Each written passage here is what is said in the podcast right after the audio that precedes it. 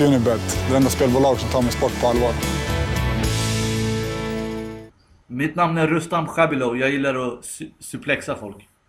Jag heter Roy Nelson. Jag tycker om McDonalds. Jag med.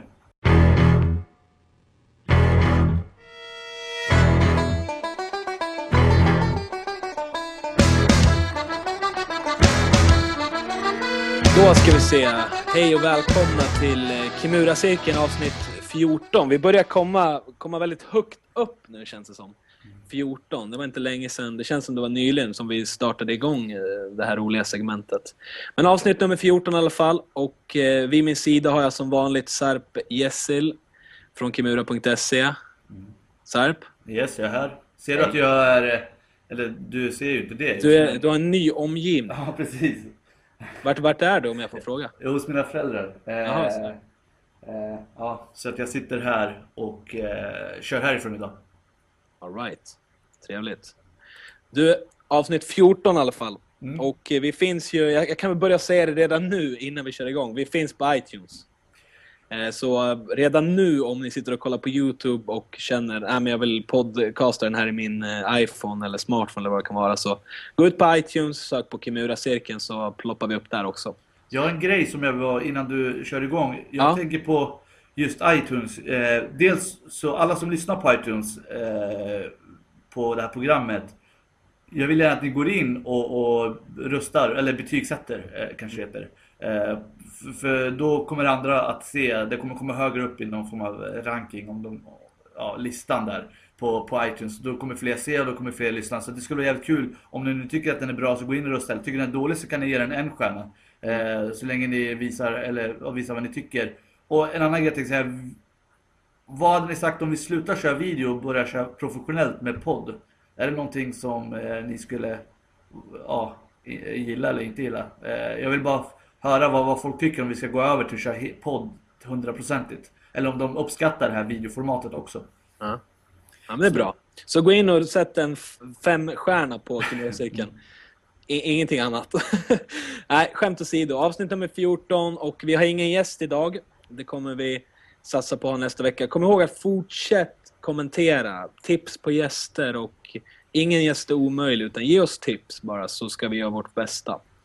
Eh, men jag tänkte att vi hoppar lite snyggt in på... Vi hade ju en gala som gick här i lördags. UFC on Fox 7 eh, i Kalifornien. Det var ju många, många bra matcher. Det var ett väldigt bra kort och eh, enligt mig så var den här galan den bästa galan hittills på 2013. Vi hade hela sju stycken avslut och bara fem domslutsmatcher faktiskt. Och det var inga submissions heller under de här matcherna utan det var knockouts, eh, sju stycken.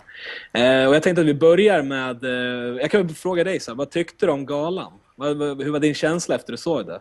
Alltså, Var du glad? Eh, ja, alltså det, inte, inte just för att det var massa knockouts och sådär. Jag vill ha underhållande matcher. Spelar nog inte, klart det spelar roll om det går till avslut eh, eller om det blir domslut. Men ändå, det det, själva knockoutsen var inte det, vik, är inte det viktigaste för mig. Men jag tyckte galan var hur grym som helst. Eh, nu fanns det inte så här jättemånga så här jämna matcher. Eh, där, där, där man liksom inte visste vem som skulle vinna hela själva matchen. Alla matcher hade på något sätt så, så såg man ganska tidigt att ja, men den här killen kommer nog vinna eh, ganska snart. Eh, eller, eller, eller dominera. Så att eh, på så sätt kanske inte eh, liksom på så sätt höll den inte, men, men det, det går inte. Det är, det är fem stjärnor av fem. När, när, när du säger det där att det inte var någon så här jämn match, det leder oss ganska snyggt in till. Snygg övergång här. Vi tänkte diskutera tit, titelmatchen, Benson Henderson mot Gilbert Melendez.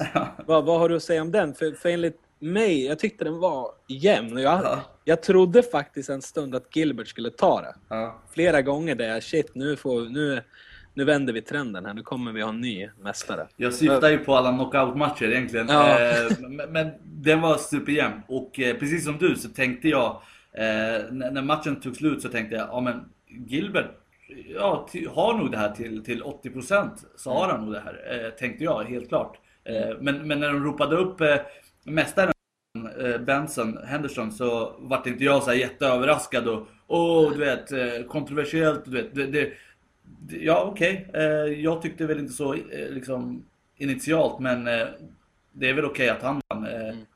Ja. Men vad, vad, vad, hade du, vad ville ditt hjärta då, där vid domslutet? Ville du att Gilbert skulle stå med handen i luften, eller vad, vad kände du? För jag, jag, jag ville att Melendez skulle vinna. Jag trodde att Henderson skulle vinna, men jag ville att Melendez Mm. skulle ta det. Jag hade tyckt det var jäv, jävligt ballt. Liksom. Alltså jag vet inte, jag kände, det är sällan jag känner så här, äh, det för, jag har några så favoritfighters eh, som jag verkligen vill ska vinna.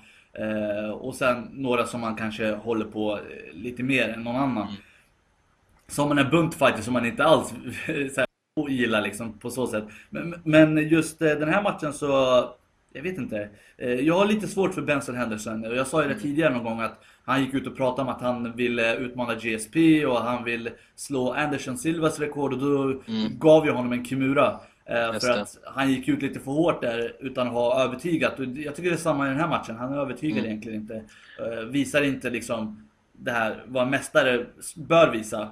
Han, han var ju inte så jävla, han var ju inte överlägsen. Jag tycker att han vann mycket på att han var lite mer aktiv. Mm. Men kollar man Melendez, där var det ju vissa grejer där han visade en överlägsenhet. Som det här med Benson sparkar. Han plockar benet, och du vet, direkt. Benet bara, han bara suger tag i det, du vet. Jag tycker, jag ville att Gilbert skulle vinna under matchen. Jag tycker han är lite mer underhållande. Jag skulle hellre vilja se han försvara bältet i UFC faktiskt. Ja, jag tycker lite som dig också, att Henderson, det, ja, det blir lite, blir lite lamt. Jag vet inte, det, det är inte så här wow, shit. Alltså, det är inte bara för att det, matchen går till domslut. Han har ju haft eh, eh, domsluts... Alltså han är ju... Han är, han är väl inte avslutat någon ännu. Eh, vad heter det? Eh, i, I UFC. Eh, men, men just, ju- just matchen, eh, den här matchen, det var ju så här, det fanns ingen... Det, det saknades något där. Och, och det är många som har menat att det kan, just det här med att han eh, friade till, till sin flickvän efter matchen och att det kan ha varit så här liksom, inte bara det men andra grejer som har påverkat just hans eh, form och prestationen. Men, men jag, jag tyckte liksom så här, Gilbert å andra sidan, han var ju inte heller eh, så jätteövertygande. Gilbert har inte i sina senaste matcher, har inte heller varit så här superunderhållande. Eh, och jag trodde innan, jag trodde inte på en så här superunderhållning. Det trodde jag inte på. Eh, Jag trodde att det skulle bli väldigt jämnt, väldigt tight. Eh, lite, väldigt lite, alltså det, de skulle inte visa upp så många brister i sitt game utan det skulle vara väldigt försvarsinriktat. Eh, vilket det också blev tycker jag. Ja, verkligen. Det var ju...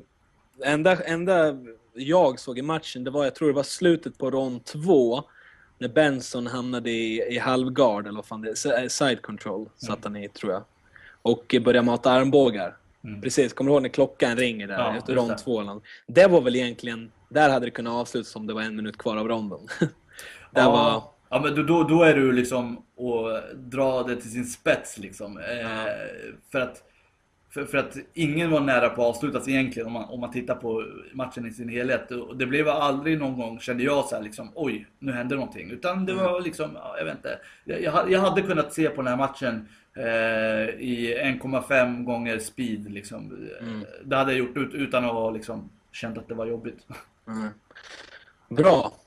Vad tror du händer härnäst då? Vem står på tur för Benson och var, var ska Melendez ta vägen nu då? Vad tror du? Alltså det- är frågan. Eh, Benson ska ju möta vinnaren av eh, just eh, Vinnaren av, nu glömmer jag tappa namnet på dem. TJ... Ja, just det, just det, det har de ju sagt ju. eh, fan, nu måste jag... TJ Grant. TJ Grant och Gray Maynard, så ja, just det, så Precis. var det.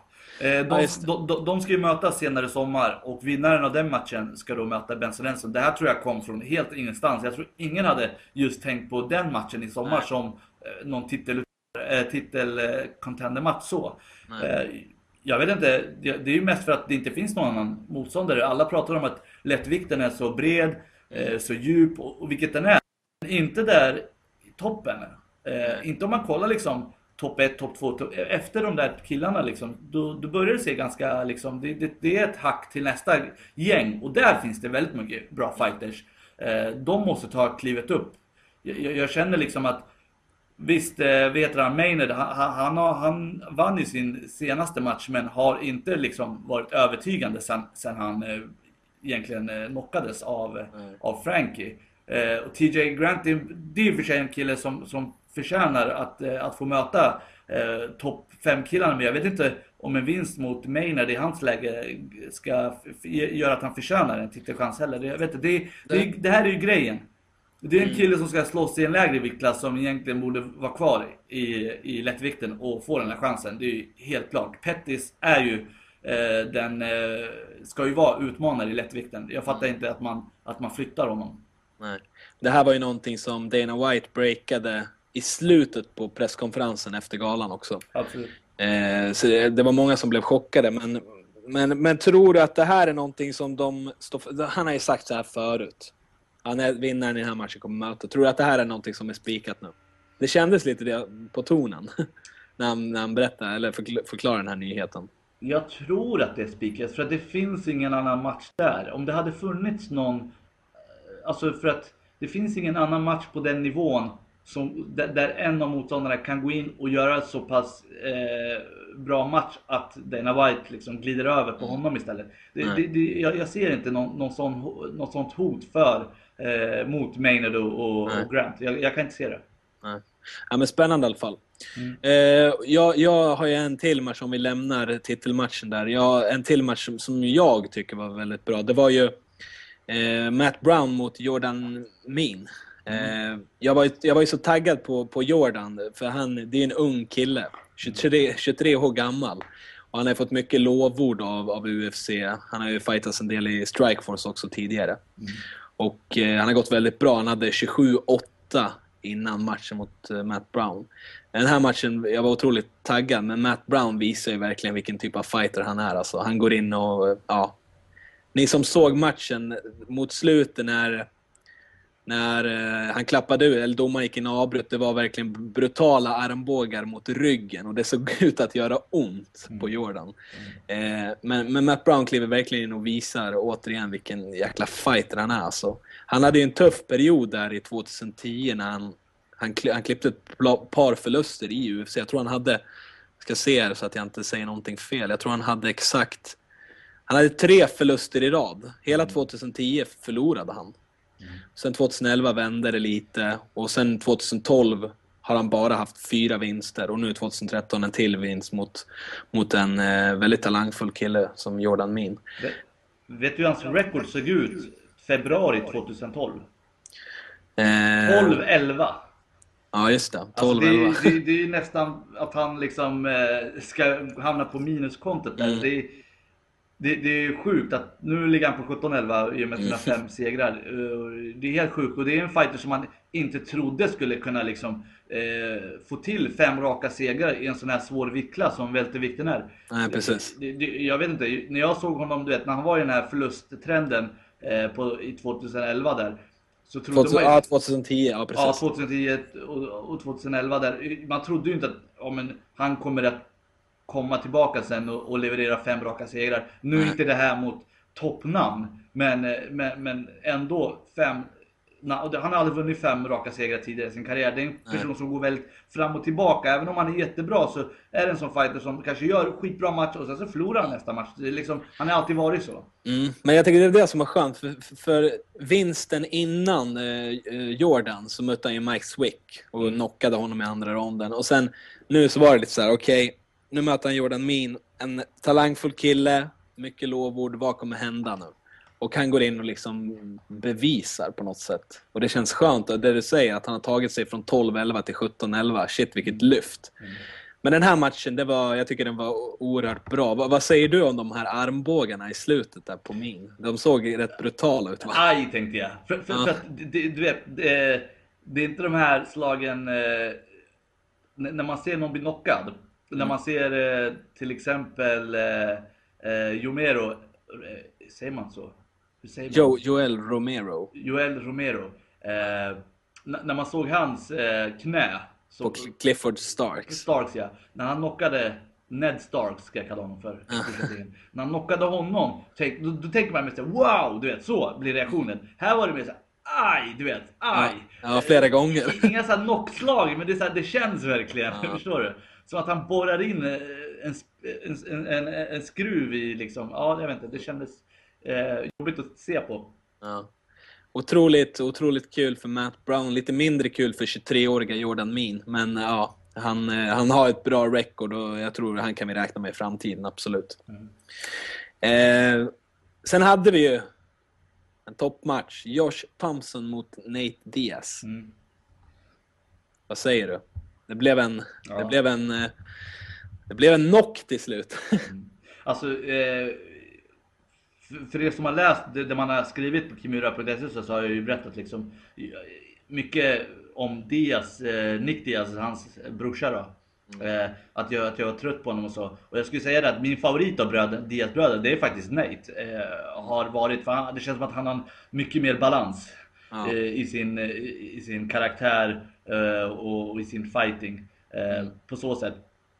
Jag varit, eh, vänta, chockad ska jag nog säga faktiskt. Överraskad åtminstone. Av, av avslutet. Inte att, av att Josh Thompson vann. För att eh, trots oddsen som, som, som var väldigt skeva så, så trodde jag ganska, alltså jag trodde på att det skulle bli en jämn match. För att Thompson när han är, när han är frisk och inte har några skador och skavanker är en väldigt farlig fighter. Det har han visat sina matcher mot, eh, mot Gilbert Melendez. Så att jag, jag visste att det här skulle bli en tuff match. Eh, och sen att Diaz såg väldigt så här, skum ut på, inför, på, alltså, så här, på de eh, ska vi säga, öppna träningarna tror jag, när han blev intervjuad där eh, inför galan. Han såg lite så här, jag vet inte, han kändes inte till alltså 100% Jag vet inte om det är viktne, viktnedgången, bantingen som strulade. För att han såg inte alls som, ut som att vara annars liksom, tidigare. Inte lika taggad. Ja, ska jag vara ärlig nu, eh, sluta prata runt grejer. Jag, ty jag tycker att så, hans ögon såg jävligt konstiga ut.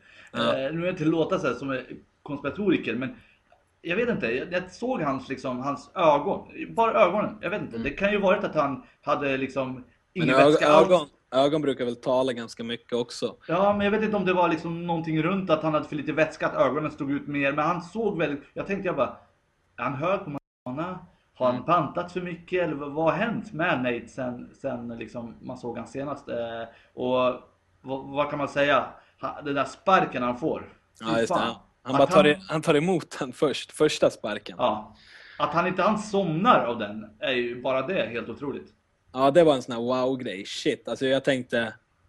Var, han, han tog emot den och såg lite, lite, lite rusty ut, men sen direkt bara på det igen.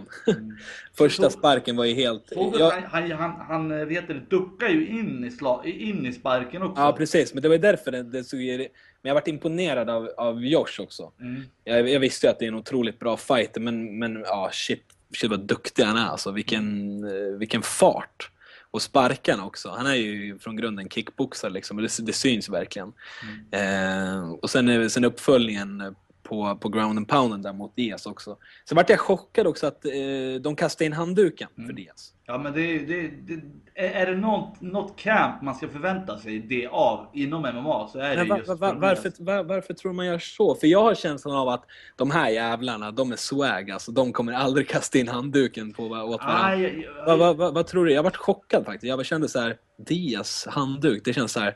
Nej, varför? Jag vet inte varför jag fick den känslan. Alltså, eh, jag tycker att, eh, för, för det första så handduken har ju ingen eh, liksom, verkan inom MMA. Det finns ju inga regler där liksom, Nej. som, som det säger att när handduken slängs in från, från, från den nedslagnes eh, hörna så ska domaren bryta matchen. Det finns ju inget sånt. Domaren avgör. De kan slänga in 10 handdukar, det hade inte spelat någon roll om inte domaren vill av, avbryta. Men det kanske, det kanske sätter fart i en domares huvud, man ser handduken Absolut, in, liksom. absolut. Typ vi ger, alltså att hans hörna går in och säger vi ger upp. Eh, liksom. Att de klappar åt honom.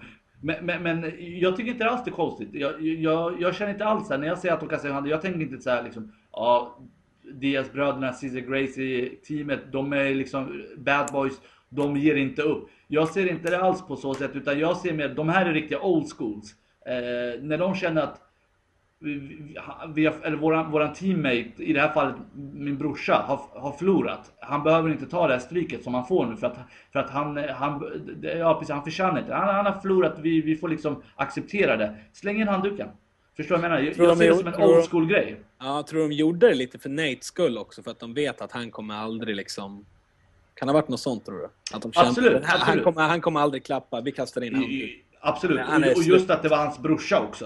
Eh, jag, vet inte, jag, jag kan ju bara föreställa mig, om man har en, en lillebror speciellt, eh, så kan man ju föreställa sig liksom att se sin lillebrorsa fightas och sen att se han gå ner sådär. Och, och, och jag har svårt att se att han skulle återhämta sig från, från, från den där sparken och det där follow-up som kom efteråt med pound. Så att eh, det måste ju ha varit det här brorsa, broderskapet måste ju ha påverkat honom till att kasta in handduken, absolut, det tror jag. Undrar undra vad, undra vad Nate säger efteråt, liksom, det här om handduken. Inte, inte som du säger, det, det, kan, det har kanske ingen liksom, verkan i, i regelboken. Handduken in, då avbryter men du vet, det sätter ju ändå fart i en domares huvud kan jag tänka mig. När det sker brutal ground and pound, handduken kommer in, då kanske domaren... Men vad tror du Nate kommunicerar med sitt camp? Ingenting negativt tror jag. Jag tror inte att... Hade det varit så att, eh, att eh, domaren hade varit, brutit matchen på grund av handduken eh, och, att det inte var så övertydligt att matchen bör brytas så hade han nog sagt "Ja, det var, what the fuck liksom. eh, men i och med att eh, domaren inte ens såg handduken och bröt matchen ändå, alltså bröt matchen av eget bevåg så, så tror inte han kommer liksom tror inte han har kommunicerat någon, något negativt till, till sin Nej. camp. För att eh, han kan ju inte liksom på allvar gå ut och, och hävda liksom att han var på väg tillbaka någonting. Det, det, det ser inte bra ut. Nej, det gjorde inte det. Bra. Eh, sen hade vi en till match. Tungviktarna. Enda tungviktsmatchen. Eh, det var mycket snack om Daniel Cormier innan matchen. Och mycket snack om Frank Mir. Frank Mir ska jag säga såg riktigt bra ut i kroppen.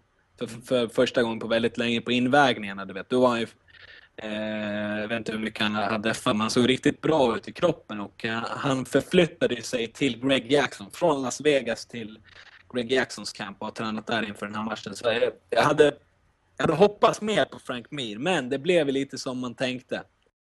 Eh, Daniel grindade ut Frank Mir eh, mer eller mindre. Det var, det var clinch större delar i tre ronder. Lite kort bara, jag tänkte vi ska hålla den här kort. För det Men här var trodde ju- du, trodde du på clinch? Eh, clinch eh, alltså, här- Nej, jag trodde inte på det. Jag, det- det var ju den tråkigaste utgången för Mm. mig som fan hemma i soffan. Det var inte alls speciellt spännande. Men jag, hade, jag trodde att han skulle, Daniel Cormier skulle låta händerna gå lite mer. Trodde jag. jag trodde han skulle clincha, släppa tag, slå. Du vet. Men det var... Nej, jag, jag tycker inte det... Det var ingen underhållande match överhuvudtaget. Nej, och om jag ska vara ärlig så, så har inte jag blivit imponerad av Cormier i hans två senaste matcher. Han mötte ju eh, någon holländare där i sin sista Ja, strikeforce-match. Dion, Dion Starring, just det. Precis. Eh, och jag, jag eh, tyckte inte att han gjorde det speciellt bra där mot ett väldigt, eh, ett väldigt svagt motstånd Men där, där, våg, där vågade han i alla fall plocka ner. Fast han berättade ju också efter matchen att han, han kände flera gånger att han... eh, Det här var hans förklaring till varför matchen blev som den blev. Han berättade att han var otroligt, otroligt nervös inför den här matchen. Och han kände att han blev jättetrött för att han var så nervös också. Och han kände också flera gånger att han, han tog ju, han gick ner och skulle gå på nedtagning ett par gånger men han gjorde ju aldrig det. Men han sa ju det själv att han kände flera gånger att han kunde tagit ner Mir. Men att han var skraj för Franks eh, grappling helt enkelt. Submission eh, game. Eh, men att han inte, ja jag vet inte, jag förstår att det är mycket som står på spel, UFC-debut, men vad fan. Eh, som vi har snackat om tusentals gånger, det är ju det är en sport, men det är också även underhållning och eh, ja, nu var han ju istället tvungen att stå och försvara sig liksom. Varför han gjorde på det här viset, men ja. Vi får jag, se. Jag förväntar mig som sagt mycket mer av, Ja. av Cormier. Speciellt mot, eh, mot eh, Frank Mir som jag, alltså även om han ser bra ut rent fysiskt så tror jag att Mm. han är väldigt långt borta från, från sin, eh, liksom, sin prime. Bra, vi lämnar den galan. Vi ska fokusera lite mer på, på lördagens gala sen också. Men först måste vi bara ta breaking news som kom idag till vår kännedom och eh, för allmänheten. Eh, vår alldeles egna Reza Madog Madadi kommer att gå match nu 27 juli i Seattle. Där han kommer möta en obesegrad herre vid namn Michael Chiesa. Eh, är du förvånad? Eh, på att, eh, på vad? På matchen eller på På, motstånd? på, på matchningen tänker jag, eller, eller Eh, kände du... Lite grann, lite grann. Jag hade trott att eh, Reza är ju väldigt aktiv. Han- är ju den svensk som, som har gått flest matcher det senaste året. Alltså om man tänker sen debuten, det här blir ju hans fjärde match. Mm. Och, och det är alltså på, det är alltså på, vad ska man säga, 15 månader. Mm. Fyra matcher på 15 månader, det, det, det är ganska bra. Eh, Då får vi tänka att träningscampen går ett par månader också. Ja, absolut. Så, så, att han, han går matcher väldigt ofta. Och, eh, men ändå, så här, alltså att det är ju knappt gått några veckor sedan, sedan Sverige-matchen. Att han redan nu har, har liksom Ja, fokuserat. det är tre, tre månader kvar exakt. Ja, och ställt siktet på en ny motståndare. Ja, det, alltså all heder åt Resa som, som eh, han är inte liksom purum och, eh, och eh, känner väl att, han, att det här är hans chans. Det här är, det är nu han ska liksom och tjäna pengar och, och göra sitt namn. Och det är helt rätt. Vad säger du om motståndet då? Michael Chiesa. Eh, han var ju med en sväng i The Ultimate Fighter. Han vann Ultimate Fighter. Just det, det Eh, fanns ser du. Ja, han han vann Ultimate Fighter. Vad Det jag var- kan. Det, det, det var den här äh, live-säsongen det, mellan Faber och eh, Cruz. Eh, första Ultimate Fighter på, på FX. Eh, han, han vann den mot, eh, mot Al Iaquinta. Eh. Matt Serra, Ray Longo fighten. Han vann den i finalen, han är 9-0, obesegrad alltså. Eh, brottare i grunden eh, med väldigt bra submissions. Eh, jag tror inte han har något, något, något speciellt spektakulärt game från rygg. Men på topp är han väldigt duktig och, och stark. Precis. Eh, Han, han, senaste match, han har två matcher i UFC. Senaste matchen så vann han mot eh, fin, finnen. Eh, vår, Anton vår, granne. Precis. Anton Kuivanen. Och han vann den på samma sätt som han gjorde mot Al Ayaquinta. Han vann den via rear naked choke. Så det är en kille med väldigt farlig rear naked choke. Det kan vi ju redan nu konstatera. Han har vunnit de senaste fe- fem proffsmatcherna. Så har han vunnit via rear naked choke. De fem senaste. Så det jag tänker, vi ska gå in lite mer på, på vad vi tror om matchen och, och sådär. Men det, det, det, det jag tänker på direkt det är ju att eh, för, för Reza tog väldigt mycket risker. Eh, chanser för att eh, han ville verkligen avsluta sin motståndare Michael Johnson. Och eh, på så sätt så kunde ju Michael Johnson vända på, vända på steken några gånger. Mm. I den här matchen så hamnar, får Reza top position så ska han vara väldigt försiktig med att och gör, ta någon risk där för att får Kesa eh, vet det, toppposition så blir det tufft. Ja. Verkligen. Men, men hur ser du? Tror du Reza ska arbeta mycket så som han gör med sin brottning och plocka ner och, och, och själv? Det, jag tror det är planen. Vi ska säga så här. Kesa, i alla fall i Ultimate Fighter, de här två matcherna han har gått i UFC har han inte stått upp så länge. Nej.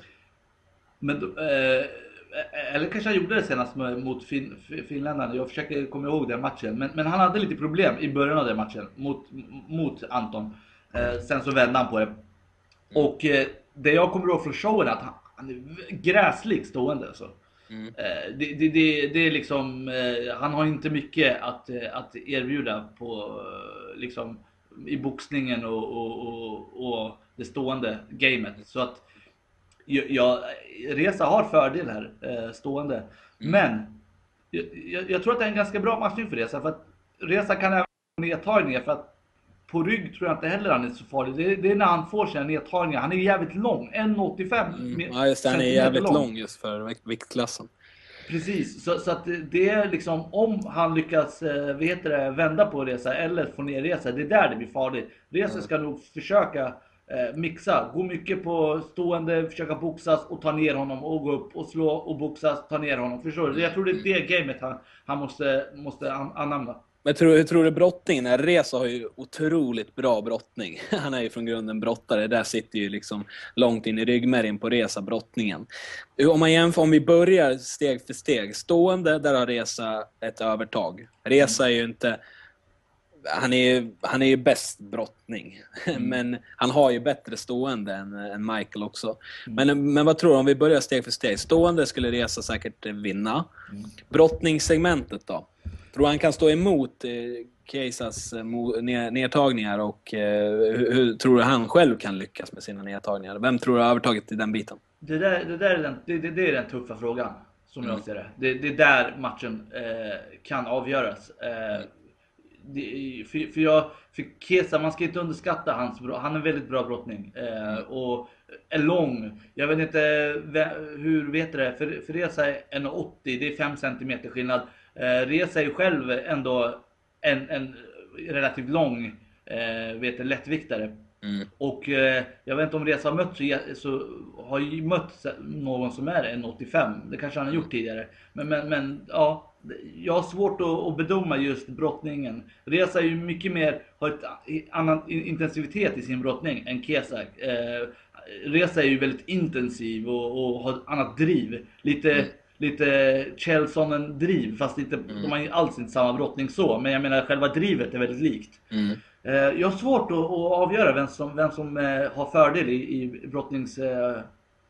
Det känns som att Reza är på något sätt jag bara, nu får jag bara känslan, men det känns som att Reza har mer pondus och är vad ska man säga, situations, mycket starkare just i situationen, i brottnings, just nedtagningsprocessen. Det känns som att Reza är otroligt stark just mm. där. Mm. Mm. Eh, och jag hoppas att han kan neutralisera just den här biten och att han kan ta ner honom eller eventuellt försvara nedtagningen och boxa ut honom. Mm. Men, men som du säger, den största faran det är om Chesa tar toppen Mm. Och därifrån blir det att ja, ett snedsteg och han tar rygg, du vet, då, då är det farligt. Då... Det, mm. det här är en väldigt bra match för Resa, ska vi säga. Eh, jag är... Jag, jag, jag, ser den här matchen, det, det är liksom så här, om man jämför med Michael Johnson, jag, jag tror mer på Resa här än vad jag trodde inför den matchen. Mm. Mot Michael Johnson. Men det är också kul, för om Resa slår den här, eh, Michael, ja. då har han ju också bevisat att han vinner över vinnaren från The Ultimate Fighter också. Han bevisar väldigt mycket. Det här är otroligt... Förra matchen mot Johnson var också otroligt viktig. Mm. Men den här skulle jag kunna säga, den här kan ta honom långt i rankingen just i Uf, alltså hos UFC. Mm. Eh, vinner han den här, då kan vi nog snart se han mot jättestora namn. Nej, men du Nej, förstår men vad jag menar. Jättestora, men eh, jag förstår exakt vad du menar. Och, eh, det, det, man ska säga att alltså, han är obesegrad, Michael Chiesa. Det är också en, en skalp. Eh, eh, Reza spräckte även nollan på eh, Isquedros eh, vet det, eh, record också. Han Just var ju också obesegrad när han mötte Reza.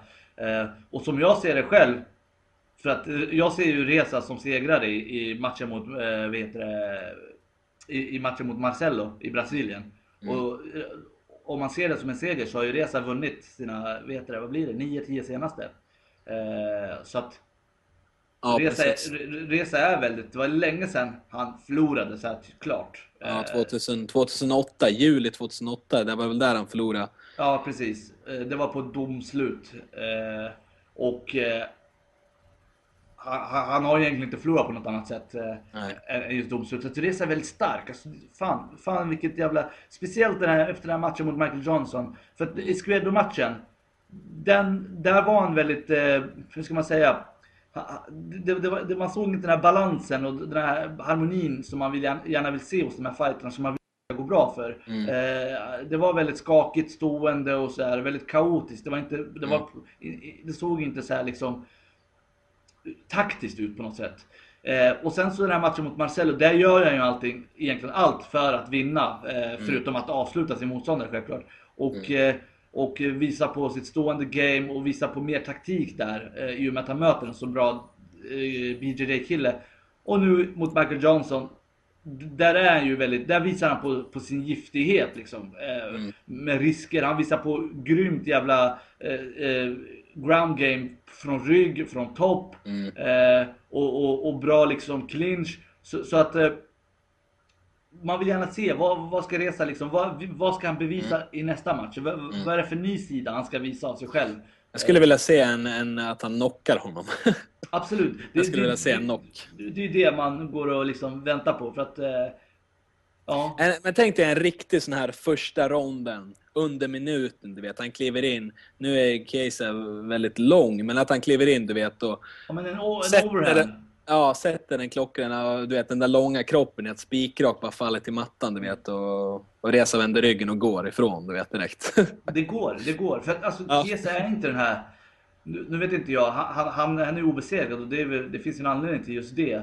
Men, men han är inte den där killen som står, alltså han ser inte ut att vara, han ser inte ut att ha så stor nacke om vi säger så. Nej. Han är väldigt smal och, och, eh, och gänglig. Och eh, borde gå och knocka. Eh, får hoppas att eh, Reza eh, tränar in tränar in någon speciell combo för just, för just Kesa. Det, det kommer han att göra. Nu ska vi se här att eh, Michael Chiesa, han, eh, han, har ju, han, har ju, han har ju ett ganska bra camp som har diskuterats mycket om. Det är de här eh, Team Alpha Male. De som hade ett gäng fighters på senaste galan och alla de här fightersna vann vid knock. Mm. Och det finns lite teorier för de har ju, eh, det finns ju en tränare, Dwayne Ludwig heter han va? Eller har jag fel? Nej, det stämmer. Men är Ja. du säker på att Kesa tränar med dem? Ja, det står Team Alpha Male tränar han med. Ja, okej, okej. Eh, och han är ju med i det här teamet då. Eh, frågan är om han också är en av de som har bättrat på sitt stående. För det känns lite som att det är väl, var väl lite av hans grej att han är tvungen att bättra på det stående utefter vad han har gjort. Mm. Bra, UFC 159. John Jones mot Chael Sonnen, äntligen. 27 april på lördag. Eh, tre dagar kvar från och med idag. När ni lyssnar på det här så är det bara två dagar kvar. Ska jag säga. Vi spelade in det här en kväll innan. Eh, och vi har ju John Jones, Kjell Sonnen. Det här det var ju båda tränarna från förra säsongen av The Ultimate Fighter. Otroligt spännande match måste jag säga. Just eh, Michel Sonnens bakgrund mot Anderson Silva-matcherna och det här, hans eminenta brottning och hela den här biten. Eh, vad- vad, vad tror du nu då? John Jones, är det här hans svåraste motstånd hittills? Mm. Jag ser på den här matchen ungefär som jag såg på matchen mellan Anderson Silva och Bomber. Mm. Eh, jag ser inte, det här är mer av en showcase-match för mig. Eh, jag vill se... Men vad, vad, vad tror du om, om Sonnen sätter fart? Mm. Sådär som han har gjort mot Silva. Han bara rusar in och du vet, han är ju otroligt stark brottare. Vad, tror du, hur tror du Jones kommer reagera på det där? Eh, Jones kommer att, eh, vad heter det, att försöka, ja, att, att försöka hålla avstånd.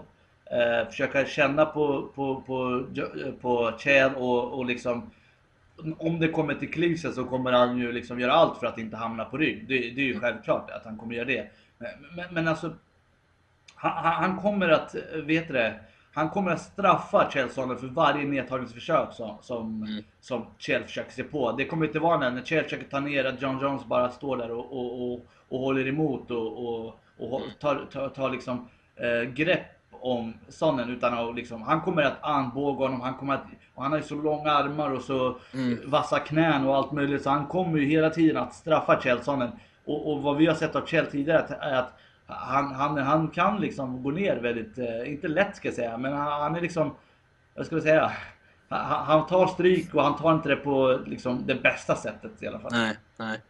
Men vadå, jag, jag tänker ju just det, jag målar ju upp det här scenariot som blev med, med Silver när han bara rusar in och du vet, flyger direkt ner och bara låser sig vid kroppen. Eh, tror du därifrån att John Jones kommer använda armbågarna eller hur tror du han ska liksom hålla, Alltså, hålla det, distansen? För det går ju väldigt snabbt det där, det är ju bara svårt. sekunder det liksom. är Han är svårt, som, svårt att jämföra dem. Alltså, du får tänka, Anderson Silva har ju ingen form av brottningsbakgrund. Eh, så. Eh, klart han tränar brottning och så har gjort väldigt länge, men inte som John Jones har. Eh, så det går inte att jämföra John Jones med, med Anderson Silva i hur de mötte eh, Nej, jag, tänk, jag tänker just på Sonnen, hur han, Ja. för han, han tror jag kommer ha någon liknande plan. Ja, ja. Han kommer, han, han, han kommer köra vet det, gasen i botten från, från Mm. första liksom. Han, han, kommer att, liksom, att slänga sig in Mm. för, för en double eh, så fort han får chansen. För, för han, han är, det som är bra med just Tellsonen är att han vet vad han är dålig på.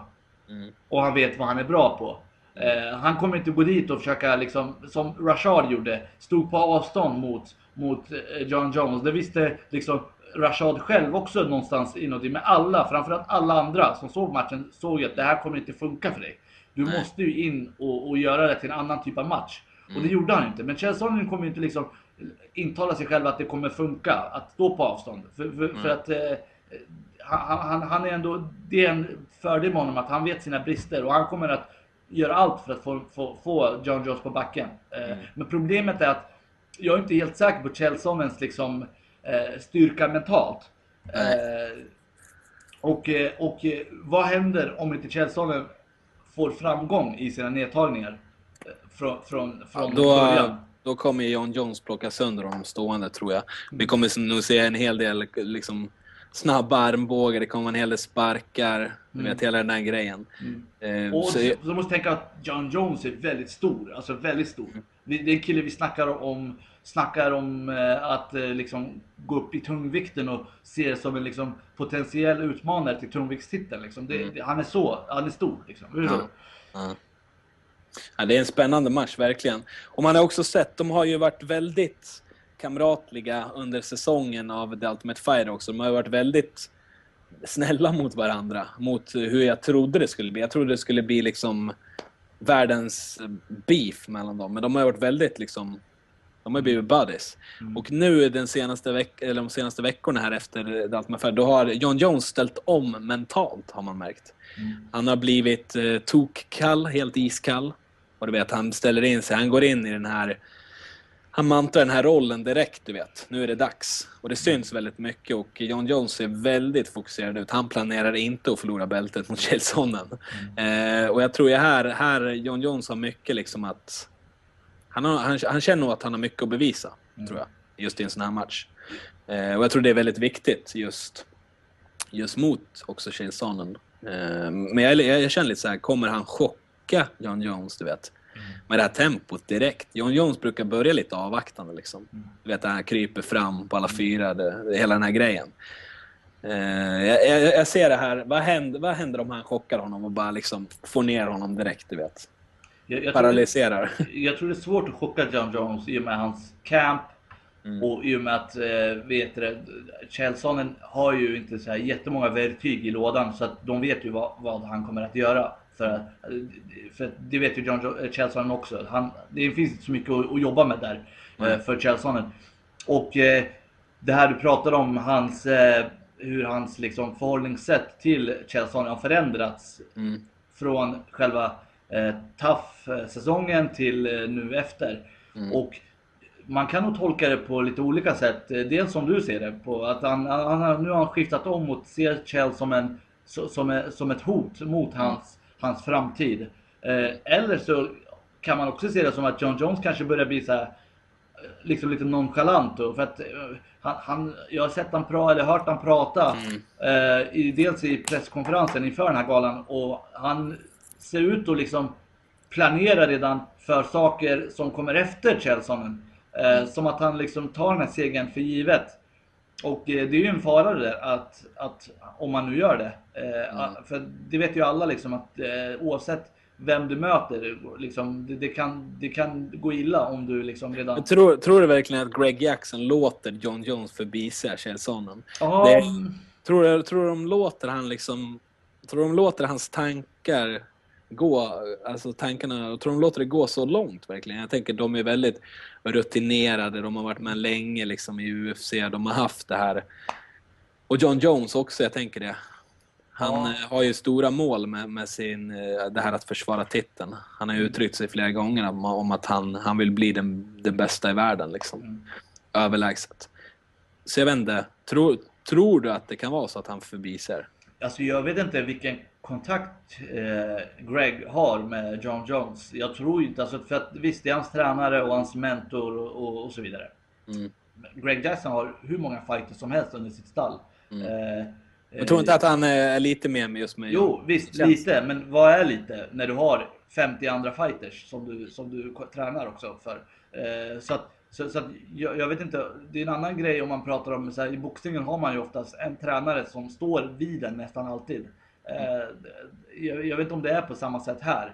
Och, och, och eh, i och med liksom John Jones, jag, jag, är lite, jag har lite så här, du vet, det har alltid varit kritik mot honom. Fans tycker att han är falsk eller fans tycker att han är, inte är ödmjuk. Eh, att han blandar väldigt mycket. Ibland är han superödmjuk. Mm. Eh, och och, eh, pratar väldigt liksom, eh, hur ska man säga, pratar väldigt politiskt korrekt och, och, och väldigt eh, tacksam och sådär. För, för att å andra sidan gå och liksom vara jättedouchig och jätteoödmjuk. Och det kan man ju förstå när man är mästare så har man ju rätt att, vara lite så kan man ju tänka. Eh, men, men när han skiftar fram och tillbaka så det har ju gjort att folk är väldigt så här, osäkra på honom som mästare.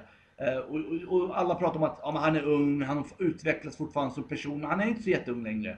Eh, han, är inte det. Det, det är liksom, finns yngre faktiskt än honom som, som ändå har eh, någon form av, hur ska man säga, som ändå av fansen upplevs ha en mer genuin personlighet. Eh, så att jag undrar lite, hur ser supporten runt John Jones ut egentligen? Är han, har han bara massa ja-sägare? Eh, för det kan ju bli så. Om han är så, så duktig som han är, har redan åstadkommit så mycket som han har gjort vid den här åldern. Liksom, jag vet inte, kan det vara så att, eh, att supporten runt honom inte är den optimala? Alltså de kanske är de bästa i gamet, men att eh, John Jones har, har blivit så pass bra och duktig och en så pass stor stjärna att, att eh, de inte längre kan styra honom som tränare. Eh, Jag, jag vet faktiskt inte, det, det kommer vi ju få svar på Ja. framöver. Ja, det är väldigt djupt det där. Men ja, man, man, vi får väl hoppas att de har så bra kontakt så att de kan hålla honom i styr. Ja. Sen har han ju säkert någon manager också, garanterat. Ja, han har ju. Malki Kawa som manager Just. och, Malki har ju också jättemånga andra fighters, eh, titelhållare och grejer. Men, men just i det här, med, med, försöker återkomma till att du vet, de här grejerna som har skett i, med, med John Jones, med rattfylleri och grejer. Det, det är ju tecken på att, att, att det någonting inte står rätt till. För att är du mästare, eh, för det första att åka dit för rattfylleri överhuvudtaget, det är ju liksom så här eh, förkastligt. Mm, det är inte så Eh, bra. Nej, precis. Och att, att göra det som mästare. Förstår du vad jag menar? Fattar du hur många liksom grejer du måste göra fel för att komma till den positionen att du liksom sätter en bil full och kör in i en lyktstolpe eller vad man gjorde. Att, Mm. att göra det som mästare, det betyder liksom att då ligger någonting där. Förstår du vad jag menar? Mm. Det, det ska inte vara så lätt att göra det som mästare. Så att jag undrar. Men eh, det är inget vi får svar på, på idag eller imorgon. Nej. Nej, det kommer visa sig på lördag, givetvis. Nej, det gör ju inte. Nej.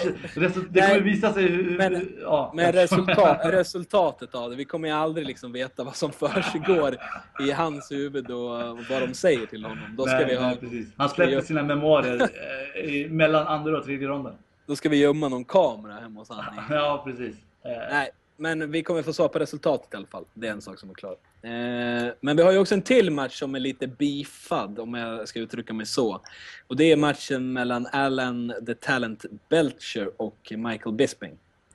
Den har ju varit lite... Ja, vi, jag kan, vi kan väl börja med att det, började, det hela började väl med att Alan Belcher eh, ville ha ett vad med Michael Bisping på något sätt. Att han, eh, om, eh, han var helt övertygad om att Michael inte kommer knocka honom eller vad det var. Och eh, om Michael gjorde det så skulle han få eh, någon bil eller... Ja, jag kommer inte exakt ihåg historien, men det var någon dyr jäkla bil i alla fall.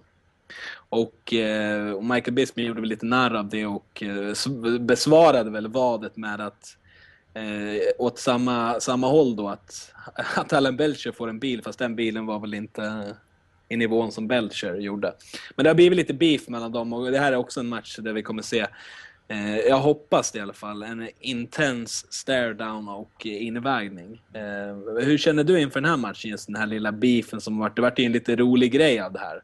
De besvarar varandra med videosar och det vart liksom... Alltså, jag, beefen, jag ska inte säga att den är helt fabricerad. Jag tror inte de har kommit överens om att okej, men nu gör vi så här och så här. Men jag kan lova dig att, att eh, de har inte ens 10% av de här liksom, negativa känslorna eh, för varandra. Eh, Nej. men det känns som en rolig grej på något sätt. Ja, men alltså du vet, speciellt nu när Bisping i den här presskonferensen inför galan gick ut och liksom var jättehård och sa eh, liksom att du kommer aldrig kunna vinna och jag kommer göra så här och så här, du vet.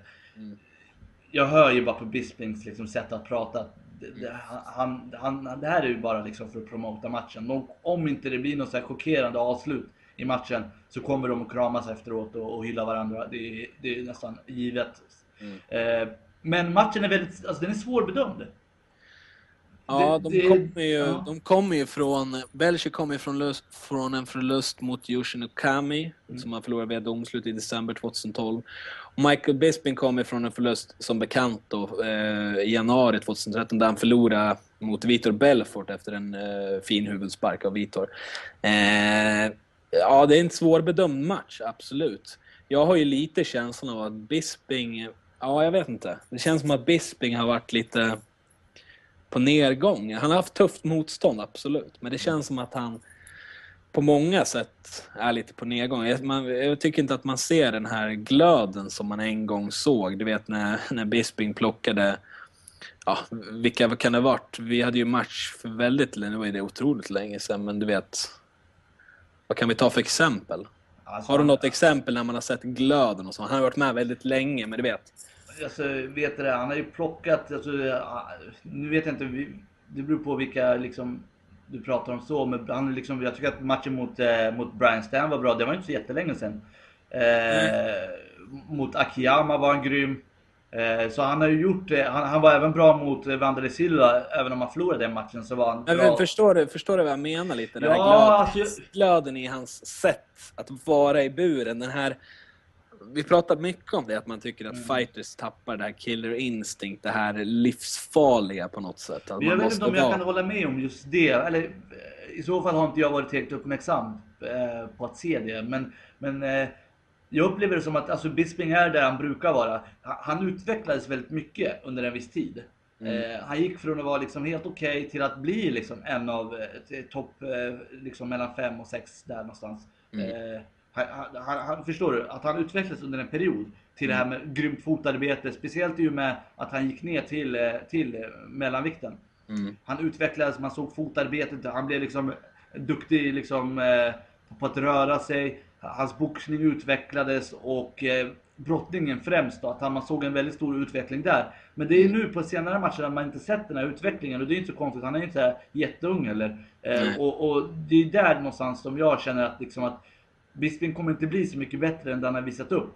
Eh, och, och att han förlorar mot Vilto Belfort, det är ju egentligen historiskt korrekt på något sätt. För att han, han är ju den här personen som eh, alltid liksom kommer till de här matcherna där, där en vinst leder till en titel, Mm. inte en titelchans, men en vinst, jo, en vinst leder till en titelchans. Han kommer ju aldrig riktigt fram och det har skett många gånger.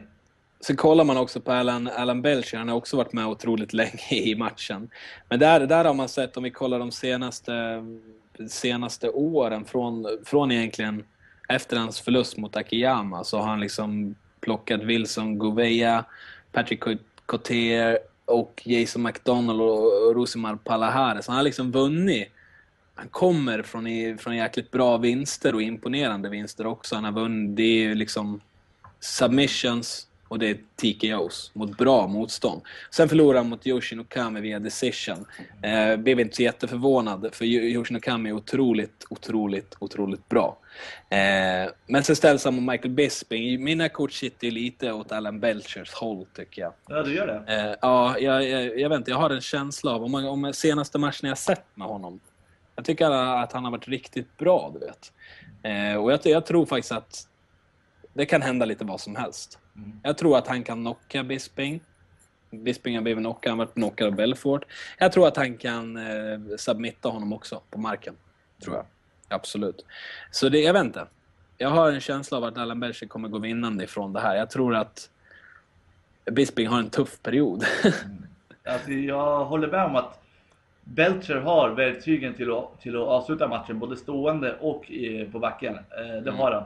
Men eh, det är som alltid med Belcher, det är det att, det är precis som du säger, han kan, göra, han kan ha skitgrymma prestationer i Mm. oktagonen till att nästa match var helt platt.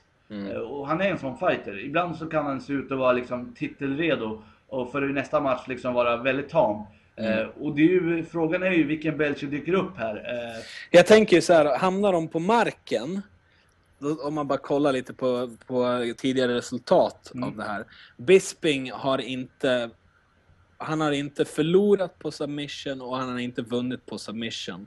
Mm. Den senaste gången han vann på submission var 2000, nu ska vi se så jag säger rätt här. 2005. Mm. Det var senaste gången han, eh, han vann på submission.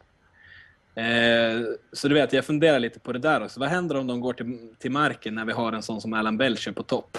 Alltså, så om inte det är så att Bisping hamnar på marken via en fet höger, eh, så tror jag att han klarar sig på backen. Eh, Allan Belcher har grym, grym BI, men, eh, men, men, men Bisping kanske inte är offensivt så jättebra, men han är sjukt svår att, att, att, eh, få att klappa ur.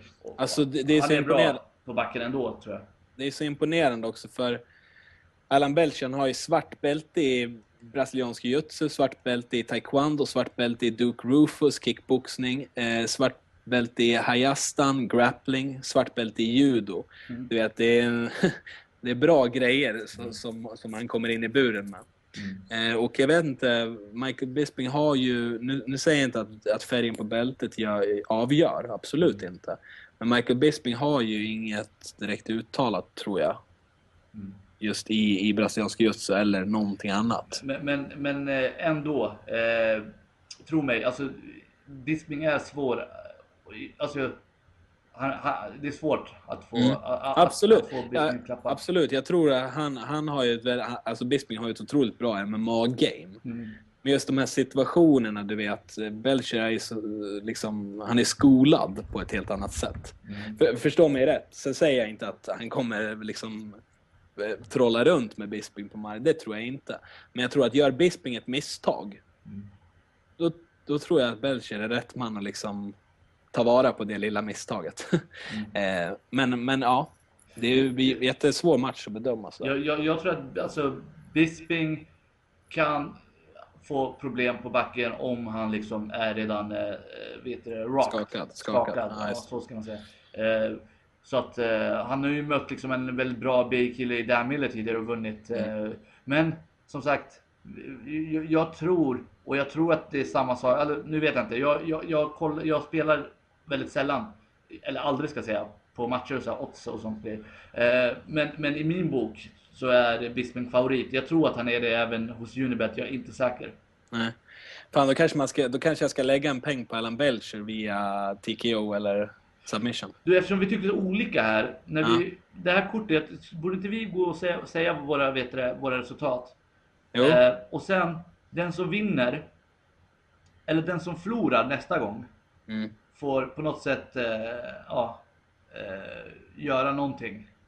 en straff tänker du på då? Någon form av straff som Ja. ni eh, lyssnare eller tittare får, får eh, Bestämma. ja, bestämma. Om, om ni, alltså någonting realistiskt och någonting i bra, alltså okej nivå på det hela. Mm. Eh, och någonting som man kan genomföra eh, här direkt i, i Mm. podden. Så att eh, det kan vi väl köra. Ja, ja men det vore, ju- vore skitkul. Ja, det, det är en jättebra gala att, lägga sina tips på, verkligen. Det är Mm. otroligt underhållande. Men det tycker jag absolut att vi gör. Mm. Absolut. Men eh, ja, återigen, svårbedömd match och det ska bli otroligt kul att se. Det visar sig återigen på lördag. Eh, vi klampar vidare lite. Vi har en hel del. Det finns många roliga matcher på UFC 159, men för att bespara lite tid. Vi har ju en match som jag, som jag är lite intresserad av. Det är ju... Jag hoppar neråt lite nu. Eh, Rustam Kabilov, eh, suplexmästaren mot Janshi Medeiros. Mm. Jag kan inte så mycket om Janshi Medeiros. Eh, Ska jag ta ja, honom lite? ja, men jag har intresserat mig av Rustam i alla fall. Ja, ja, men Rustam eh, är ju... Han är ju redan legend efter en match Ja. i UFC när han slammade sönder eh, Vince Pichel. Eh, men det jag tänkte om Medeiros är att han är, han är från Hawaii, obesegrad, nio segrar har han. Eh, han, är, han kommer från Strikeforce där han gått två matcher. Han har inte mött några stora namn, så det är ingen så här... Han, han har aldrig mött det här liksom motståndet eh, som egentligen krävs för att eh, på något sätt komma in nu. Alltså jag ska säga så här, det ska, jag skulle inte säga så, men, men, men det, det är ingen så här wow-karriär som han har haft Nej. hittills. Nej. Och eh, det mest intressanta med honom är att han började sin karriär som lätt tungviktare. Oj. Det, är, ganska roligt för att han fightas nu i lättvikten. Ja. Han berättade i en intervju för, med, för Kördag att, att eh, tack vare Diaz-bröderna eh, som han gick ner för att de hjälpte han med dieten och, och, och med liksom work ethics, liksom arbetsmoralen. Mm. Så det är tack vare dem han fightas i lättvikten idag. Ja, det är ganska coolt. Ja. Från lättvikt, eller lätt tungvikt. Den här Jan- Janshi, han är också, han är ju född 87 så han är ju, ja han fyller 26 år Ja. i år. Han är väldigt ung också. Och sen Rustam, ja vi vet ju historien mot Vince Pichel på Ultimate Fighter-finalen där han eh, sup, eh, suplexade eh, Vince Pichel och det var otroligt, otroligt imponerande match. Eh, nu ska vi säga suplex på svenska. Vi diskuterade, vad betyder det? Omvänt livtag eller kryss eller någonting sånt där. Eh, om, man ska, om man ska förändra ord. Men, eh, men vad tror du då? Rustam? Alltså jag, jag, tror inte så mycket. Jag vet faktiskt inte så jättemycket. Eh, om jag skulle säga att jag tror på Rustam, då är det mycket på grund av det han visade upp mot Vince Bizell. Vince Bizell eh, är, är å andra sidan inte någon så här, eh, jätte, jättehögklassig fighter så, med UFC-mått mätt. Men, men eh, ja, jag får väl säga, för han såg ju så jävla stabil ut. Så jag får, väl, så jag får väl säga att han, att han tar det. Mm. Han såg riktigt bra ut och det ska bli otroligt kul att se vad han kommer att göra nu mot uh, Jenshi. Mm. Verkligen. Mm. Men sen har vi, vi, vi lämnar den matchen lite snabbt. Det är en otroligt bra match. Och uh, vi har ju en till match. Phil Davis. Som Alexander Gustafsson förlorade mot. Uh, kommer möta Vinny Magales, tror jag man säger. Magales. Magales. Eh, de två möts ju och där är det också återigen, det är ganska beefigt kort det här. De har ju också liksom påbörjat... Det låter påbörjat, gott det beefigt kort. beefigt kort. De har ju också påbörjat någon form av... Eh, ja, jag vet inte vart jag ska börja, men de har väl börjat munhuggits lite och det här... De ska visa för varandra vad de ska göra och du vet, det här vanliga, det här som är lite kul, lite uppladdning liksom.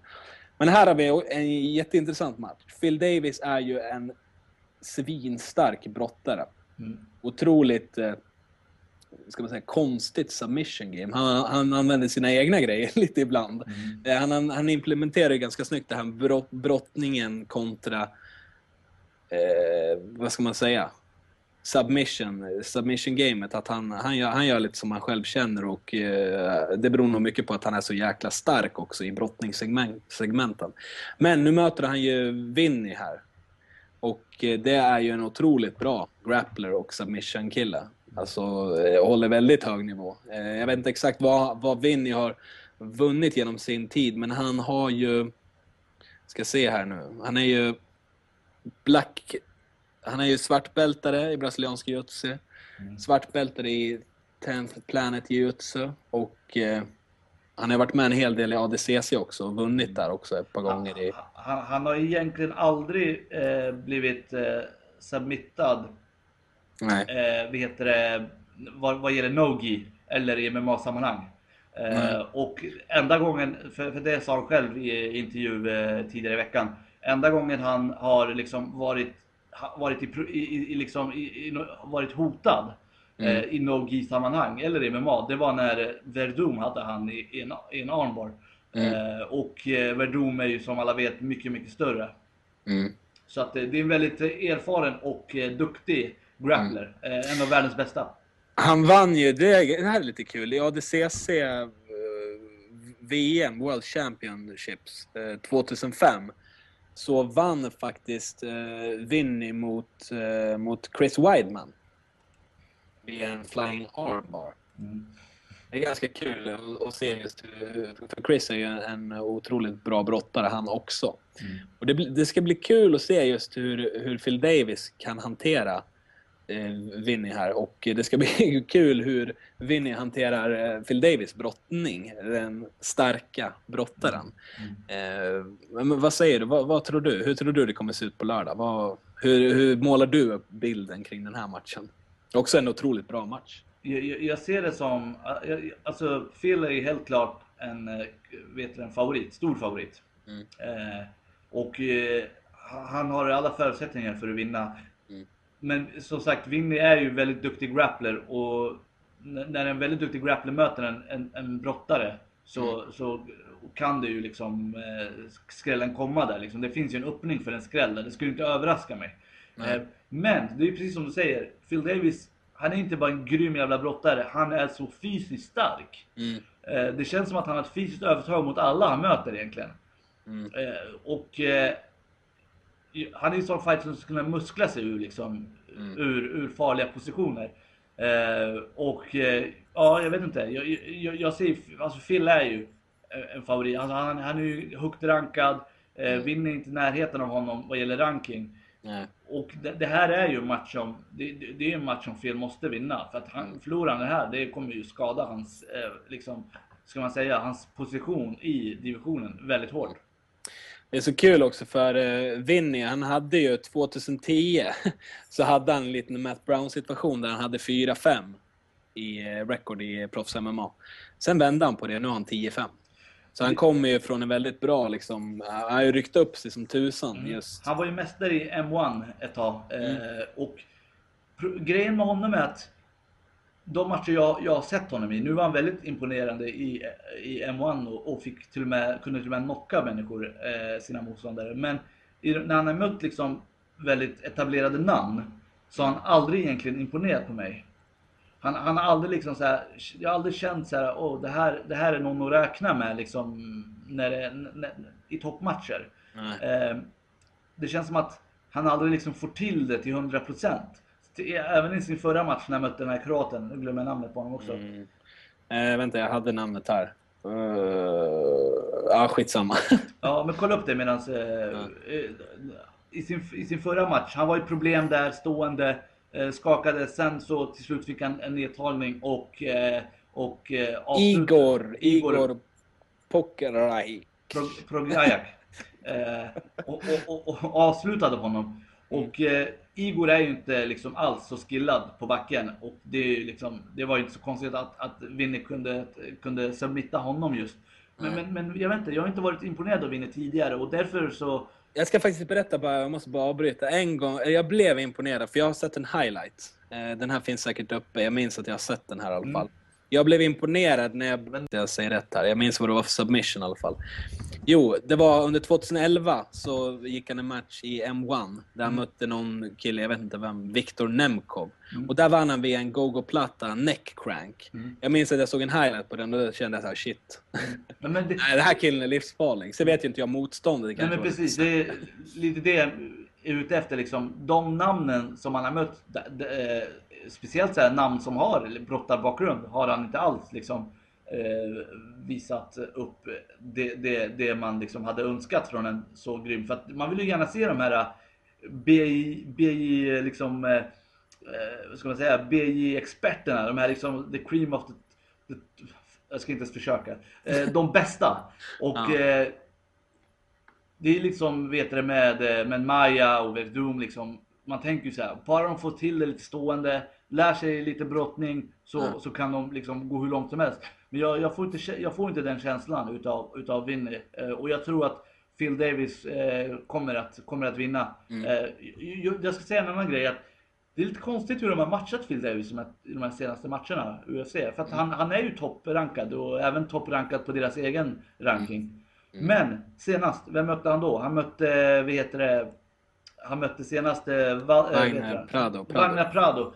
Inte i närheten av liksom eh, topp, eh, någon topposition. Ja, men det, det var inte det lite... Ja, den var lite konstig, för han mötte honom först en gång. Ja, men no var, ja precis. Och sen så Sen mötte han... Så mötte han honom igen och, och liksom gjorde affären kort där. Eh, Men han sen var så- ju uppe mot Rashard Evans också och förlorade den. Kan det Ja. inte vara det som gjorde att han tappade lite då, kanske? Jo men det, det, vet du, det är en match mot Rashad liksom. Eh, Och sen eh, Antonio Noguera också. ja men det var ju ett tag sedan nu. Jag- Ja, men jag, jag, jag tänker lite så här, om vi kollar, om vi jämför, nu jämför vi Alex och Phil. Du vet, båda har en bra resa. Båda har förlorat en gång var nu i UFC. Mm. Och du vet, men, men Alex har gjort skillnad i att han har vunnit mot eh, Thiago Silva. Han vann mot Shogun. Jo, jo. Men Du jag, vet, jag, när Phil Davis kom till det här stadiet, då förlorade han, vann, en- sen förlorade han mot Rashad, du vet. Han tappade lite och då, jag vet inte. för Phil Davis, han, han är ju, alltså jag tänker, kolla på hans ranking. Han är ju, alltså, han förlorade egentligen mot Rashad. Han vann ju mot eh, Noguera. Mm. Och sen så kom han till, till, eh, till Rashad och förlorade matchen via domslut. Mm. Eh, och var inte, han imponerade ju inte i den matchen. Men jag tänker liksom så här, visst du förlorar mot Rashad, Rashad som är också topprankad. Mm. Eh, och efter den förlusten har han fått två killar som inte ens är i närheten av, han har ingenting att vinna på de här matcherna, ser jag det som. Eh, liksom, varför, ska han, varför har de matchat honom? Jag vet inte, vad var det handlar om egentligen? Det kanske är lite att de vill också toppa Winnie, för han kommer från eh, M1 och du vet, de, de vill väl mäta krafterna lite på något sätt kanske också. Det är kanske är därför han är tvungen att kliva in och ta den här. Ja, jag vet inte. Ja. Jag, vet inte hur de tänker, men ja, I jag för förstår sig, vad du menar. Phil Davis skulle ju ha mött Forrest Griffin Mm. och han blev skadad och det, sen det var ju då det, Winnie kom in i bilden. Eh, det här var ju redan i liksom vintras. Men, men eh, ja, vi får väl se. Han måste ju vinna den här matchen. Det, det är en sån match han måste vinna. För att Vinny är inte så högt rankad och eh, har inte det där liksom ryktet. Så, Innan, innan vi lämnar den här, jag måste bara en rolig grej. Första matchen Winnie gick i proffs-MMA. Mm. Vet du hur den slutade? Bara chansa. första matchen. Bara Eh, chansa. Hej vilt, chansa. men fan, Flying Armbar. Nej. Det har du sagt. Eh, Det var en, det var en no contest. Han, gick, han gick på en gala som heter Gracie Proving Ground 1 2006, hans första proffsmatch. Eh, Matchen avslutades för att eh, de- de ramlade ut i buren, eller buren gick sönder på något sätt. Och andra matchen, hans andra proffsmatch, då mötte han eh, George Bush.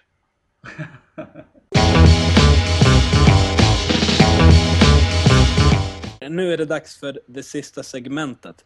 Och det är veckans Kimura och veckans Smiley. Veckans Kimura delar vi ut till någon som vi tycker förtjänar det. Någon som har gjort någonting eh, dåligt eller betett sig på ett konstigt sätt. Och veckans Smiley är någonting eller någonting eller någon som vi vill uppmuntra eller som vi tycker har gjort någonting bra. Eh, ja. Så jag tänkte du, du får gärna börja. Ja, eh, jag börjar med- Veckans Kimura. Min veckans Kimura. Jag brukar ju oftast ge Kimuror till, eh, eller ofta, det blir så att jag ger dem till någon domare som, som, som eh, fattar helt fel beslut, enligt mig då. Och eh, det skulle jag kunna göra i det här fallet också, men jag känner nu liksom att äh, men nu lyfter jag blicken bort från domarna. Och ger den till fighten som vann matchen som jag inte tyckte eh, var korrekt dömd. Och då kan man ju tänka så här, men vad fan, det är väl inte fightens fel att, att han eh, liksom får domslutet. Men eh, inte, jag ger den ändå till honom. För att jag, jag, jag vet inte, det, det känns lite jobbigt. För att det handlar om Francis Coman som, eh, som eh, vann via split decision mot eh, Lawrence Larkin i, i helgen. Och för det första kan jag inte se någonstans hur, hur han vann den. Han, han försökte gå på nedtagning efter nedtagning men lyckades en gång på tre ronder. Och, och blev liksom väldigt straffad stående. Det var inte så här jättemycket grejer som utdelades. Eh, Slag och så. Men jag tycker att Lawrence Larkin var den solklara vinnaren. Jag förstår inte hur Francis vann den matchen. Det var samma sak när han mötte Lawler.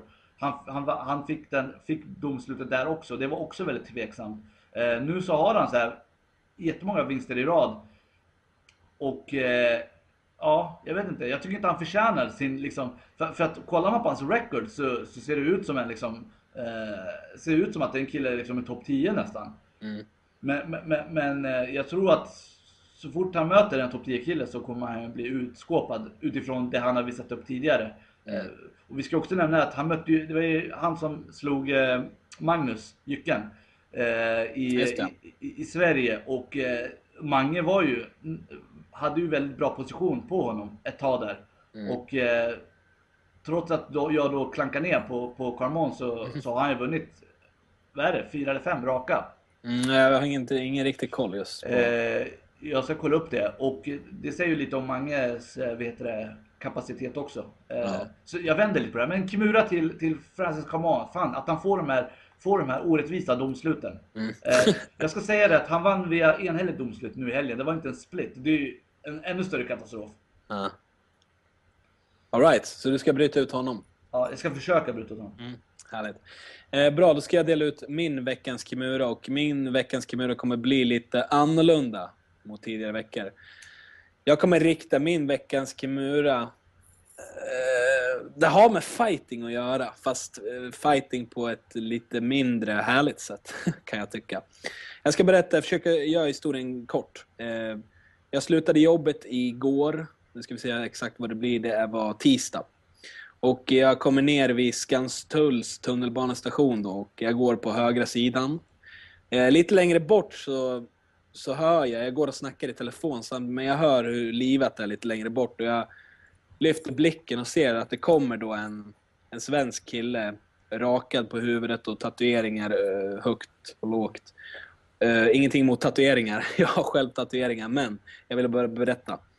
Uh, och han kommer och går och är väldigt, väldigt härjig mot förbipasserande, väldigt förbannad. Och, du vet och ju närmare jag kom, kommer honom, desto mer ser jag hur han är påtänd på någonting. Han är väldigt, ja han är hög. Och eh, jag väljer då att, okej, men jag går över på andra sidan. Jag vill liksom inte gå förbi honom så att eh, det blir någonting onödigt, du vet. Eh, men han fortsätter härja med folk. Jag går över till vänstra sidan av perrongen. Går, precis när vi passerar varandra så ser jag bara hur en äldre man ramlar ihop. Och du vet, jag, sträck, eh, eller jag vänder lite på mig och kollar och, och då ser jag att han har ju slagit honom. Han har alltså klappat till den här äldre mannen som står, ja vad kan han ha varit, 50-60 år. Svensk äldre man då. Som ligger på backen och du vet den här eh, andra påtända killen då härjar då och du vet på något sätt vill fortsätta bråka. Men den äldre mannen ligger ner. Tio sekunder senare så reser han sig upp och den här andra påtända killen fortsätter upp mot, eh, mot centrum. Och jag vill skicka ut veckans Kimura till honom. Eh, jag tycker det är vidrigt hur folk kan bete sig. Jag tycker det är vidrigt att se. Eh, nu är förmodligen droger en, en stor del i det här, men, men, men ändå. Det är på något sätt... Ja, men alltså det, man- det, man känner- nej, det man går känner- inte att skylla på det liksom. Hur många, Nej. Det är jättemånga som använder droger, men det är inte alla som går runt och Men du vet, den här äldre mannen nu fick, fick ta den här smällen. Och jag såg på den här äldre mannens ansikte efteråt när han reste sig upp att han var helt... Blicken var helt borta. Du vet, han var helt, han var helt chockad. Du vet. Det är klart, många blev ju riktigt nervösa där. Och du vet, man säger så här, varför ingriper man inte när man är där, du vet? Och då, jag ställer mig frågan, varför, varför ingrep man inte när det här väl hände? Så tänker jag, det, det gick så snabbt. Mm. Det går så snabbt och du vet, man blir ganska nervös. Jag är inte, man är inte van med sånt där. Liksom. Okej att man är intresserad av fighting, men det är en helt annan sak när det väl händer så snabbt. Och någon, en påtänd person som är helt liksom... Ögonen står som jäkla råttpittar och du vet. Det är svårt att ingripa. Ja, men alltså jag tänker så här. Men, men jag tror att man måste göra det i grupp, förstår du? Men jag Fler. tänker så här, eh, vet du, du hade ju haft svårt att, att, att förhindra det första liksom, eller slaget. Och eh, är det ett slag och han går iväg, då är det, då är det nog bättre att inte ingripa så. För att, eh, för att det kan ju leda till andra grejer. Leder det till mer liksom? Ja precis, så att hade det varit så att han liksom fortsatt, då, då ser jag ju liksom det självklart att om man hinner, att man ska gå och, och försöka eh, stoppa det. Om, om man känner sig fysiskt kapabel till det, självklart. Nu är inte alla som kanske är det, om det liksom handlar om en, en liten tjej mot en liksom hög, tatuerad, stor kille liksom. Så att, eh, inte för att tatueringar gör en farligare. Nej, nej, men jag ville bara berätta så att man förstår och kan visualisera Men, men, men det är helt sjukt, jag vet inte hur jag ska svara på det egentligen. Det, det, det, det bara... Jag, Alltså, vet, jag, kände, jag kände pulsen i min kropp. Jag bara, vad fan är det som händer? Tänkte jag, du vet. Mm. Och så tänker jag också, vad hade hänt om jag hade gått förbi det? För han var på alla, du vet. Jag såg han härjade. Vad hade hänt då liksom? Det är helt oförklarligt liksom att, att, att eh, slå till någon på det sättet någon som man inte känner till uppenbarligen. Eh, och, och utan anledning egentligen. Alltså förstår du? Det, det, det, är helt sjukt. Alltså, det är, jag kan förstå när, när bägaren rinner över för människor. Eh, liksom. det, olika, alltså, eh, det beror på vad det är för sammanhang. Precis, precis. Eh, det kan ha hänt något, bla bla bla bla bla bla bla men i det här fallet, det finns ju, inget, det finns ju ingenting som... som Helt oprovocerat. Ja. Helt oprovocerat. det, det, det, det, liksom, man blir lite så här, alltså, eh, rädd för det liksom. Ja, men, men äh, det, det är det här, nu tänker man själv så här när man, när man går, du vet. Ska- Det var, det var mycket folk nere i Skanstull då. Det var inte så att det var klockan två på natten. Det här var halv tio på kvällen liksom. Folk, du vet, rundar av. Det var mycket folk och ändå så sker en sån här grej. Och det, jag funderar mycket på det här. Vad ska man ingripa i en sån här situation? Eller vad, vad fan gör man? Man blir helt paralyserad. Vad fan är det som händer liksom? Man ser en gubbe liksom flyger... Alltså det var ett ganska hårt slag för han liksom åkte iväg en bit. Mm. Och vet, ligger där och den här killen går och gapar och liksom... eh, Ja, som du säger, hade man hoppat på efteråt och liksom tagit rygg på honom eller någonting, då hade det blivit värre liksom. Mm. Då hade det ju kunnat eskalera, vem vet vad. Men jag vill dela ut min Kimura till honom. Oprovocerat våld eh, tycker jag inte alls är skönt och det är hemskt att liksom få se. Jag, jag, jag kompletterar med, med en headkick. Mm, bra. Eh, Hårt som fan. precis. Över, över tidningen här. Men du, eh, veckans smiley. Ja, veckans Eh, smile. Jag eh, hade lite svårt att komma på någon, men jag känner så här i och med att, i och med att den här killen dels är så sjukt skön och eh, grym och en bra representant och är så aktiv och tar tillfället i akt eh, så ska han få min smiley. Det är självklart Reza Madog Madadi som, som eh, kommer att gå sin fjärde match i UFC nu i sommar. Eh, och det är liksom, som vi räknade ti- till tidigare, på bara 15 månader. Det är stort tycker jag. Och eh, det är kul, det är kul att, alltså att han är så aktiv och, och så villig och tar de här matcherna mot väldigt bra motstånd. Det, jag är imponerad och jag ser väldigt mycket fram emot den här matchen. Mm. En smiley till, till Resa. Som, som vi försöker fixa till, eh, till podden. Eh, Jag tror att vi kommer nog kunna ordna det. Jag vet inte om det blir nästa gång, men vi ska få med Resa eh, på ett avsnitt. Bra. Uh, härlig veckans Kimura. Nu ska jag dela ut min då. Jag kommer dela min till... eh, ja, vi har snackat om han tidigare idag, men jag kommer dela min till John Jones i alla fall. Veckans smiley. Eh, jag måste säga att det, jag beundras av John Jones, verkligen. Han är, han är ett år äldre än mig. Han är 87 eh, 26 år gammal. Och jag sitter och kollar just på hans, på hans record och hans resa, du vet. genom, genom UFC egentligen. Och du vet, jag imponeras så fruktansvärt av, av hans resa. Just det här att han 2008 går han sin första match i april. Fem år sedan exakt går han sin första proffsmatch i, i MMA. Och sen dess har han, har han egentligen vunnit varje match, förutom den här matchen mot Matt Hamill. Där han vart diskvalificerad för olaga arm, armbågar då. Det var ingen förlust i alla fall. Nej, inte på det, inte på det sättet. Eh, och du vet, 17-1 i record. Och du vet, han... Eh, jag, jag imponeras något otroligt av just hans ålder och hans... Det här han bevisar i buren hela tiden. Det vart en jättetråkig veckans smiley, men, men jag tycker verkligen han förtjänar det som en liten pepp inför Chelsea-matchen på lördag. Eh, jag tror på John Jones fullt ut och jag tycker att han ja, han är redan en av de bästa i världen liksom. Han, han eh, vad heter det? Han eh, kan ju behöva det om det är nu så att han redan eh, ser förbi Chelsea. ja, verkligen. Du, innan du vet det, avslutar så måste vi ta våra picks snabbt. Jag går igenom dem och sen så ska du säga vilka som vinner och sen så vill jag att du i, eh, ska vi ta vilken match ska vi, ja, i titelmatchen ska, ska vi även vet du, välja eh, avslut och rond. Okej? Okej, okej. I de andra bara vinnare. Pat Healy mot Jim Miller.